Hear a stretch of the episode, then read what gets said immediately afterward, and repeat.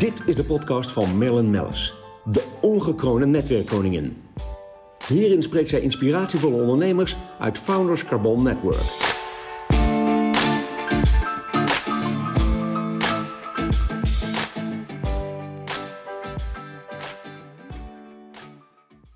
Welkom Cor van Zadelhof.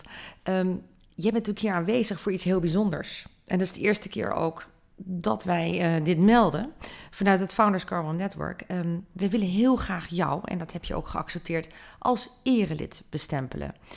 En dan uh, zullen de luisteraars bedenken, waarom? Nou, dat is natuurlijk heel duidelijk.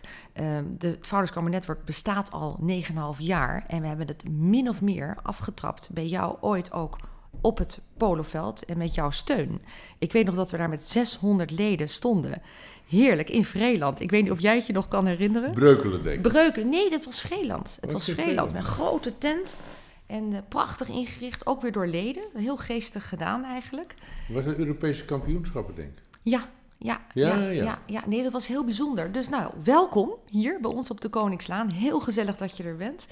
Um, we hadden het net al even tussendoor over de fantastische hippe schoenen die je draagt met eigen naam. Als, als uh, PR is dat natuurlijk dat alleen al fantastisch. Dus, um, maar goed, vertel ons even wat meer. Uh, we hebben natuurlijk zoveel onderwerpen eigenlijk die we kunnen aansnijden uh, bij jou. Um, waar zou je nog over willen praten met wat, wat voor de luisteraars, en dat zijn voornamelijk toch wel ja, ondernemers, waar zou je het over willen hebben? Nou, ik denk dat het misschien wel interessant is want dat geldt voor ieder mens. Dat hopelijk word je allemaal in gezondheid ouder.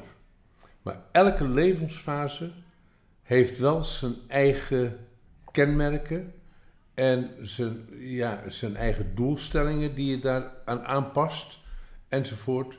En uh, uh, ik heb mijn, uh, mijn leven echt bewust ingedeeld dat ik na mijn zeventigste gezegd heb: jongens, wat gebeurt er als ik vandaag doodval? Dat moet iedereen zich toch af en toe een keer afvragen. ik vind het Lullig ja. onderwerp. Maar, maar het is, een goede tip. Het is een goede tip. En uh, mijn antwoord voor de spiegel staande was: wat laat ik na? Chaos. Veel. Het was ook heel veelomvattend. chaos. Ja. Ik had uh, panden in Rusland, Oekraïne, Roemenië, Servië. 20 joint ventures Amerika, makelaardij over de hele wereld. En het zit allemaal in mijn kop, maar het is haast niet overdraagbaar. Nee. Maar als het overdraagbaar al zou zijn, wie doe je er een plezier mee? Uh, wij hebben ten eerste geen opvolgers, we hebben geen kinderen, maar al had ik ze wel, dan zou ik het ze niet aan willen doen. Nee. Want dat is veel te gecompliceerd geworden.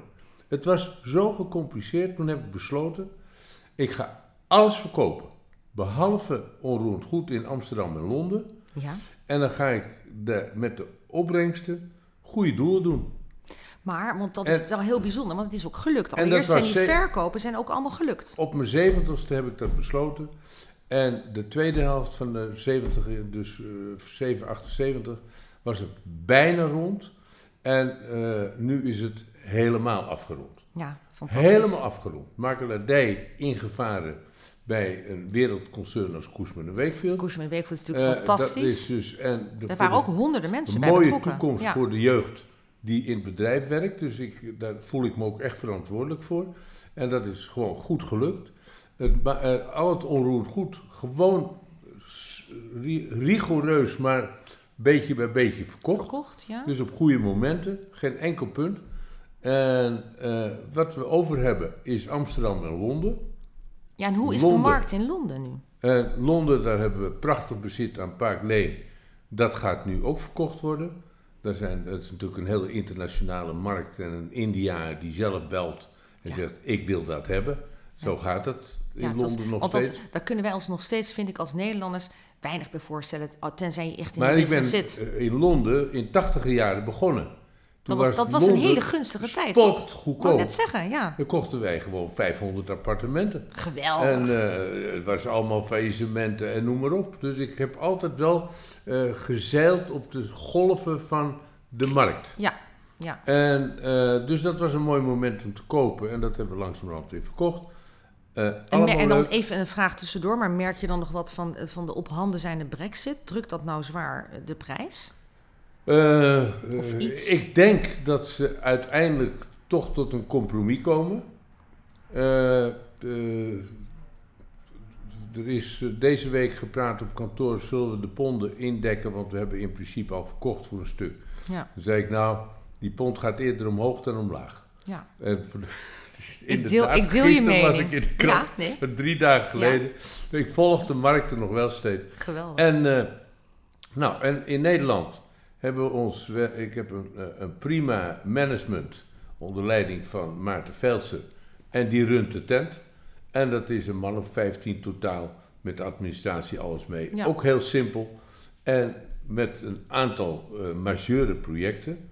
Eh, we hebben het eh, met eh, het zandkasteel van de ING gekocht voor 50%, waar woningen van gemaakt worden. een pra- een We prachtig project is dat. Hoe, glansfabriek gekocht, Ja. met Amstelstation samen Mhm. met Nijkerk. We hebben het hoofdkantoor van Bouwfonds ontwikkeld.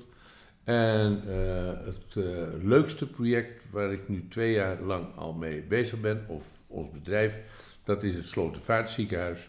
Ja, En dat is, ja, een, eh, een juweeltje wordt dat. Nou, dat is een pareltje. En als ik toevallig sprak ik gisteren nog de, de eigenaar, eh, mede-eigenaar van de cardioklinieken, Igor Tuleski.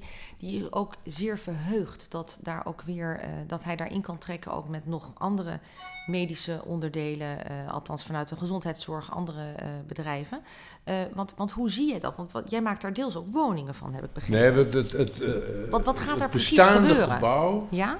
Eh, dat krijgt als, eh, eh, en had als functie. Kijk, het is een erfpascontract met eh, bestemming zorg. Precies. En dat is voor 80 jaar afgekocht. Eh, daar staat nu eh, zo'n 60.000 meter op. En er mag nog meer dan 100.000 meter bijgebouwd. Bestemming zorg. En ik wil juist bestemming zorg. Dus voor mij is dat geen nadeel, maar Nee. een voordeel. En, en is dat dan ook eventueel zorg in het, eh, op, En het dat- gebied van dit wordt- woningbouw? Of, Dit of- wordt een, eh, een, eh, een zorgcentrum. Eh, nou, het aantal verdiepingen gaan voor 24-7 zorg. Er komen huisartsenpraktijken, tandheelkunde, noem maar op. Er kan Ja. alle soorten zorg. En Je had het zelf al over meneer Tulewski, ja. die daar zijn hart kan gaan ophalen. Ik Letterlijk weet niet of, zit, zit eh, ik heb eigenlijk, Kobus was hier vandaag, Kobus Dijkhorst, die kwam nog een kop koffie halen. ik Nou, heb eigenlijk niet gevraagd, zit hij er ook bij in? Want Die, dat kan ik me ook eh, voorstellen. die- ik, ik denk dat hij zeker daar straks zegt, mag ik erin? Fijn, nou goed, We- ik zal, we- ik zal de tip doorgeven. Hij, zal, hij luistert ook de podcast, dus, Dus, hij... eh, eh, eh, want, het, Want die is ook het, zo het wordt gewoon een, een, Ja. een topcentrum. ja, En dan die nieuwbouw, daar gaan we proberen voor woningen te zorgen, die ook weer gerelateerd zijn aan de zorg. Bijvoorbeeld, eh, wat ik er echt een schandaal vind, de wachtlijsten in de ziekenhuizen zijn hoofdzakelijk niet doordat er onvoldoende capaciteit is van chirurgen en zo, van ondersteunend personeel. juist. En, En die is, ondersteunend precies. personeel kunnen geen huisje vinden van 700, 800 euro. Kijk, En dan gaan naar Purmerend en komen niet meer terug.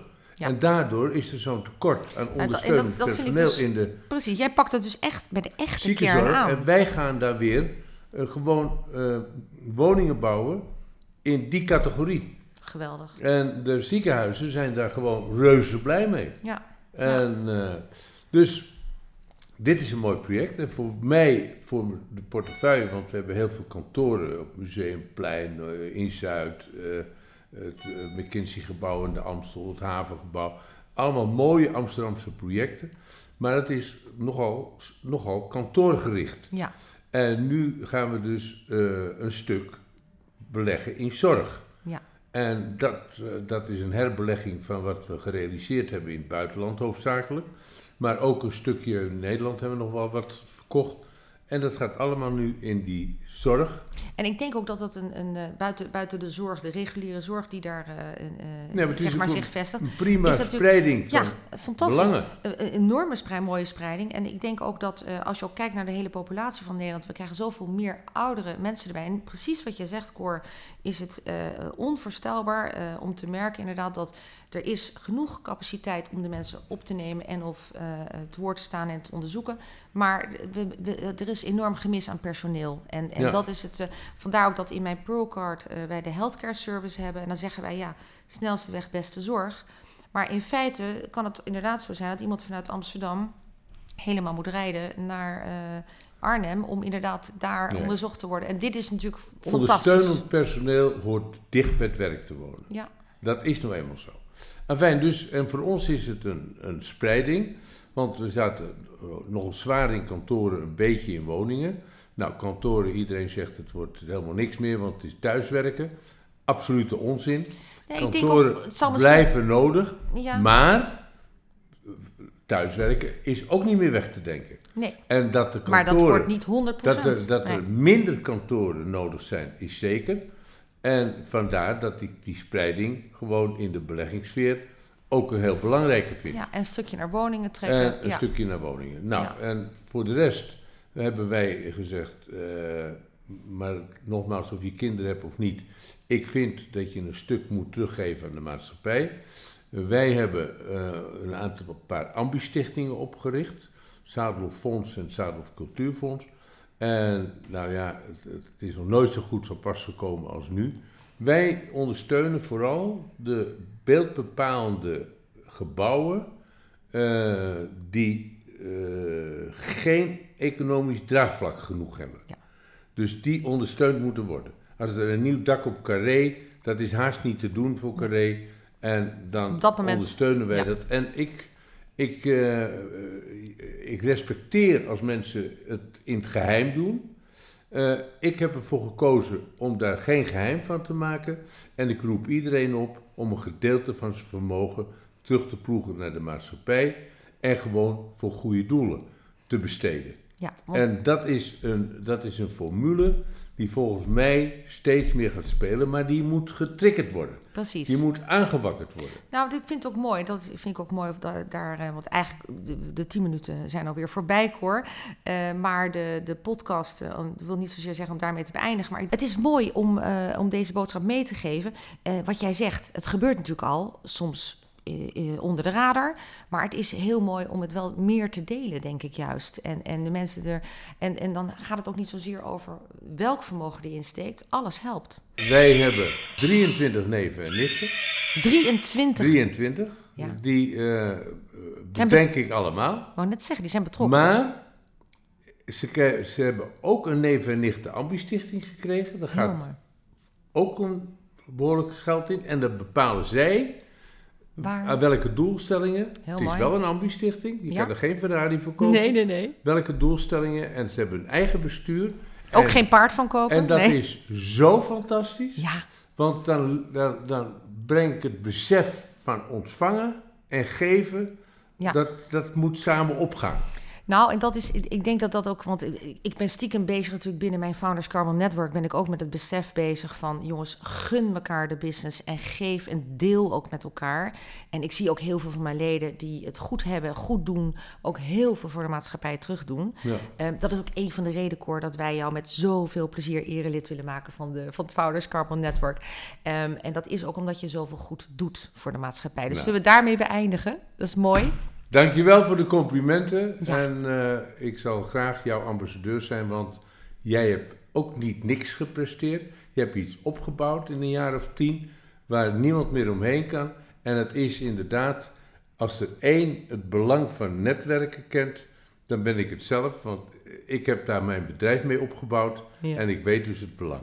Nou, dankjewel voor je lieve woorden, Cor. Nou, een dikke zoen over de tafel heen, want we hebben nog steeds de anderhalve meter afstand. Zo is het. Blijf ons volgen via Spotify en Soundcloud onder Merlin Mellis.